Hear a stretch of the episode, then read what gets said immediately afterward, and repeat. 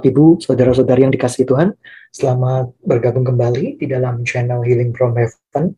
Mari kita berdoa bersama-sama pada malam hari ini. Ya Bapa yang bertata dalam kerajaan surga, kami mengucap syukur. Engkaulah Tuhan kemenangan kami, Tuhan kekuatan kami, Engkaulah Tuhan penyembuh kami. Dan biarkan namamu dipermuliakan Tuhan. Kami percaya kekuatan yang datangnya darimu akan menopang kami pada malam hari ini. Di dalam nama Tuhan Yesus Kristus kami berdoa dan mengucap syukur. Haleluya. Amin. Bapak Ibu, hari ini saya tergerak untuk menyampaikan tentang pengakuan dosa. Ya, tentang pengakuan dosa. Saya bacakan firman Tuhan di dalam Matius 3, 7 sampai dengan 8. Tetapi waktu ia melihat banyak orang Farisi, orang Saduki datang untuk dibaptis, berkatalah ia kepada mereka, Hei kamu keturunan ular beludak, siapakah yang mengatakan kepada kamu bahwa kamu dapat melarikan diri dari murka yang akan datang? Jadi hasilkanlah buah yang sesuai dengan pertobatan. Banyak orang mencari aksesoris-aksesoris rohani atau peristiwa-peristiwa rohani untuk bertobat misalnya baptisan, misalnya altar call, KKR, dan lain sebagainya. Tetapi Tuhan lebih melihat ke arah buah di dalam pertobatan. Tuhan tidak melihat aksesoris-aksesoris tersebut.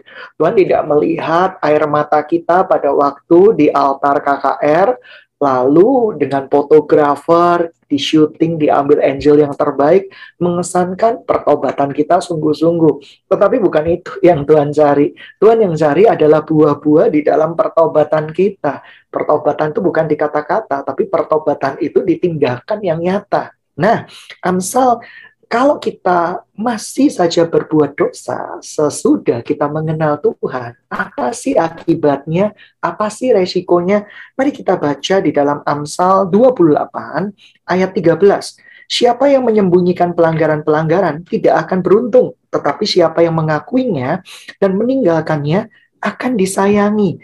Penyebab sebabnya salah satunya yang membuat kita tidak beruntung di dalam ke, uh, hidup kita itu karena kita nggak mengakui dosa-dosa kita.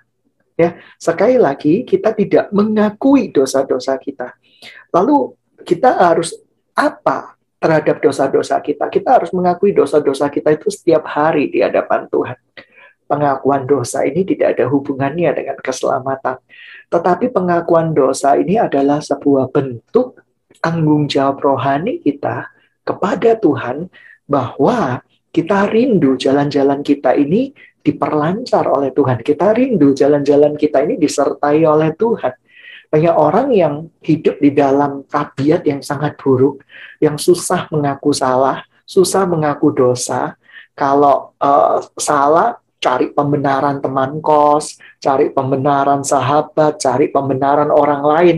Jarang ada orang yang ketika berbuat dosa, dia berkata, aku salah, aku minta maaf, aku berjanji aku tidak akan mengulangi lagi. Tuhan menyukai orang-orang yang punya sifat yang mudah disentuh oleh hadirat Tuhan, mudah disentuh oleh tangan Tuhan, mudah disentuh oleh kebenaran firman Tuhan. Tuhan suka.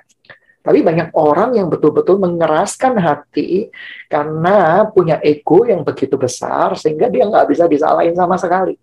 Salah satu faktor penghambat mujizat adalah pengakuan dosa. Padahal pengakuan dosa itu harus kita lakukan sepanjang hari. Ketika kita hari ini berbuat kesalahan kepada orang, kita mengakui, jangan berbuat dosa lagi. Kalau sekedar mengakui dan berbuat dosa lagi ya percuma, sia-sia saja.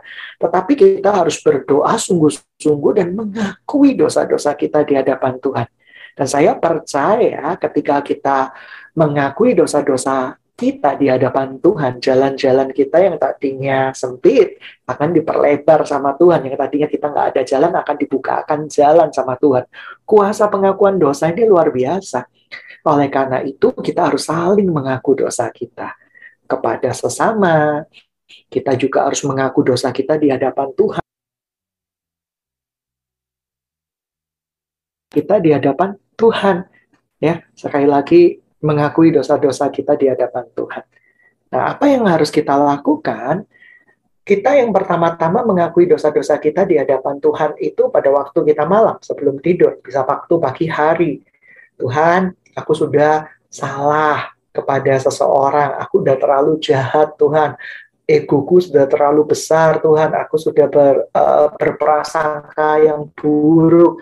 Aku sudah bertindak yang tidak benar dan tidak adil. Kuduskan pikiranku kuduskan hatiku. Tuhan aku mengakui dosa-dosaku dan besoknya jangan berbuat dosa lagi. Maka saya percaya pintu-pintu tingkap langit akan dibukakan buat kita Tuhan berkenan dengan jalan-jalan orang yang hidupnya berkenan kepadanya tapi jangan hidup di dalam pembenaran diri. Orang yang hidup di dalam pembenaran diri adalah orang yang berkat-berkatnya ditutup oleh Tuhan. Hati-hati, kalau kita hidup di dalam pembenaran diri terus-menerus, saya percaya kita akan masuk di dalam rancangan iblis dan kita akan masuk di dalam jebakan-jebakan. Di dalam Amsal 28:13 sudah jelas kok. Tuhan mengasihi orang-orang yang mau mengakui dosa-dosanya bukan karena gengsi, bukan perbuatan-perbuatan yang tidak pantas, yang kita malu akui. Kita harus akui di hadapan Tuhan. Nah, saya percaya ketika kita mengaku dosa kita, maka yang pertama apa? Tuhan akan membuka jalan-jalan kita. Yang kedua, musuh-musuh kita akan diperdamaikan dengan kita. Yang ketiga apa? Kita membuka pintu-pintu surga untuk berkat itu mengalir di dalam kehidupan kita. Berkat itu tidak mesti materi, tapi berkat itu bisa damai sejahtera, uh, sukacita. Kalau kita menyimpan kesalahan orang lain itu dosa nggak? Dosa. Tetapi ketika kita mengakuinya di hadapan Tuhan, hati kita lebih lega. Kita tidak percaya kepada Tuhan itu dosa nggak? Dosa. Kita mengakui di hadapan Tuhan, Tuhan, aku sering kali tidak percaya di hadapanmu. Nah, itu sesuatu yang luar biasa dan sekali lagi, Tuhan tidak akan pernah memberikan mujizatnya bagi orang yang tidak percaya akan mujizat. Ya kan? Bagi orang yang tidak percaya mujizat itu ada, Tuhan tidak akan bisa memberikan mujizatnya. Tuhan hanya bisa memberikan kepada sesuatu yang kita percayai Tuhan mampu melakukannya. Itulah iman. Memang ada kasus-kasus tertentu kita nggak percaya Tuhan jamah. Itu kedaulatan itu uh, itu kedaulatan Tuhan yang berbicara berbeda dengan aturan-aturan umum. Oleh karena itu, Bapak Ibu, saudara-saudari yang dikasih Tuhan, percayalah, mujizat selalu tersedia buat kita yang mempercayai Tuhan. Jangan karena berbeda pikiran, jangan karena logika kita mengatakan tidak bisa, lalu kita membatasi kuasa Tuhan. Yang penting nama Tuhan dipermuliakan. Yang penting kita percaya bahwa yang menyembuhkan itu Yesus semata, bukan karena seorang hamba Tuhan, bukan seorang anak Tuhan. Kita ini hanya alat Tuhan. Besok dipakai, besok bisa dia dipakai suka-suka Tuhan. Tetapi Tuhanlah yang berdaulat penuh. Banyak anak-anak Tuhan yang berkata, oh ini semuanya dari Tuhan. Tetapi sikap hidup, cara hidup, cara berbicaranya seakan-akan kalau tanpa dia mujizat tidak akan terjadi. Itu juga meninggikan di atas gunung yang tinggi. Tidak boleh. Tuhan mengerti dan menyelidiki hati. Oleh karena itu Tuhan suka orang-orang yang rendah hati. Sebab orang-orang yang rendah hati ini yang akan mengalahkan kota. Orang-orang yang rendah hati ini yang akan mengalahkan musuh-musuh. Orang-orang yang rendah hati ini yang dipercayai Tuhan untuk menerima janji-janji Abraham di dalam kehidupannya oleh karena itu, jangan segan-segan mengakui dosa. Jangan segan-segan meminta maaf. Meminta maaf itu tidak membayar kok. Tetapi ketika kita meminta maaf dan kita mengampuni orang yang bersalah kepada kita, maka saya percaya perkenanan Tuhan akan terjadi di dalam hidup kita. Begitu banyak cara perkenanan Tuhan mampir di dalam hidup kita, terjadi di dalam kehidupan kita. Yang penting kita melakukan kebenaran firman-Nya. Dan Tuhan menyayangi orang-orang yang mau berbalik dari dosa-dosanya, meninggalkannya, dan mengalami buah yang disebut dengan buah pertobatan. Nah, Bapak Ibu yang dikasih Tuhan, saya percaya kasih Tuhan itu luar biasa dan kasih Tuhan itu tidak uh, terbatas. Ya, di dalam Lukas 3 10 sampai 14 saya bacakan ya. Jawabnya, jangan menagih lebih banyak daripada yang telah ditentukan bagimu. Dan prajurit-prajurit bertanya juga kepadanya, dan kami, apakah yang harus kami perbuat? Jawab Yohanes kepada mereka, jangan merampas, jangan memeras, uh, cukupkan dirimu dengan gajimu. Ya, sekali lagi, cukupkan dirimu dengan gajimu. Sekali lagi, sering kali kita ini apa ya orang sudah ketimpa kesusahan, kita peras, kita ingin mengambil keuntungan dari kesusahan dia itu nggak boleh, itu jahat di mata Tuhan.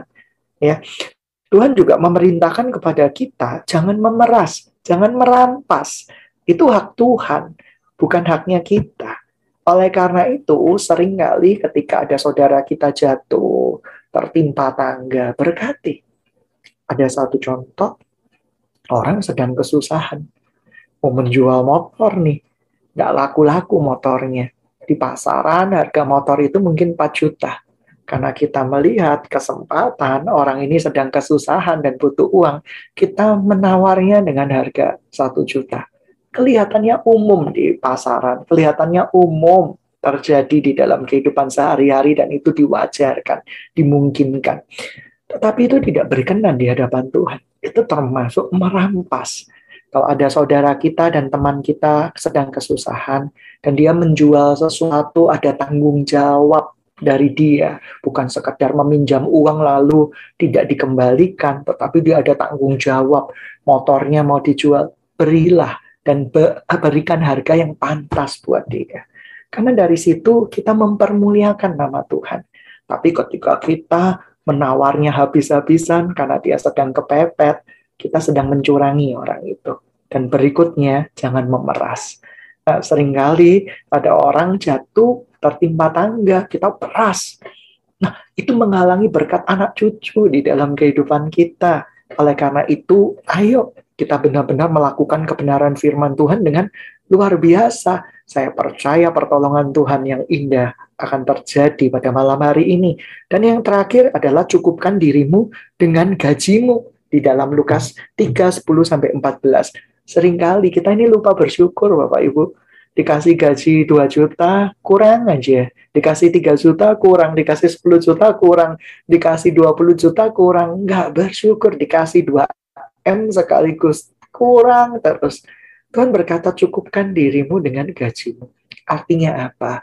Saya percaya Tuhan memberikan perkenanan itu bertahap. Ada kalanya Tuhan sedang menguji seseorang di dalam uh, ujian-ujian uh, yang disebabkan perbuatan dia sendiri. Tapi Tuhan menguji hatinya apakah tetap tertanam kepada Tuhan atau tidak. Tapi kalau dia nggak lulus-lulus, maka dia akan hidup di dalam level itu saja. Banyak orang yang hidupnya suka mengomel, suka mencela, suka yang tidak-tidak. Dan dia benar-benar menghalangi berkat Tuhan terjadi di dalam kehidupannya. Oleh karena itu pada malam hari ini, Bapak Ibu yang dikasihi Tuhan, mengaku dosa di hadapan Tuhan yang pertama. Nanti berkat-berkat Tuhan akan mengalir di dalam kehidupanmu. Mengaku dosalah, nanti perkenanan Tuhan akan terjadi di dalam hidupmu. Mengaku dosalah, supaya apa? hidupmu itu beruntung, hidupmu itu sejahtera. Amsal yang mengatakan, bukan saya yang mengatakan. Mengaku dosalah supaya apa? Supaya Tuhan membukakan jalan yang lebih lebar untuk engkau saat engkau tidak ada jalan. Dan yang terakhir, kita harus melakukan seperti di dalam Lukas 3, 10 sampai 14 Jangan suka merampas orang, jangan suka menipu, jangan suka memeras. Makanya nggak ada pintu-pintu berkat. Dan berikutnya, cukupkan dirimu dengan gajimu, dengan apa yang kamu miliki. Mari kita berdoa bersama-sama. Ya Bapa yang bertata dalam kerajaan surga, kami mengucap syukur, namamu dipermuliakan, namamu diagungkan. Kami mengucap syukur, kasihmu besar dan dahsyat, kami mau Tuhan malam ini kami mengaku dosa kita di hadapan Engkau Tuhan. Tuhan, kami ini manusia yang penuh dengan kejahatan, penuh dengan dosa, penuh dengan kelemahan. Basuh kami dengan darahmu yang kudus. Sucikan kami Tuhan, supaya jalan-jalan kami berkenan di hadapanmu. Dalam nama Tuhan Yesus Kristus kami berdoa dan mengucap syukur. Haleluya. Amin.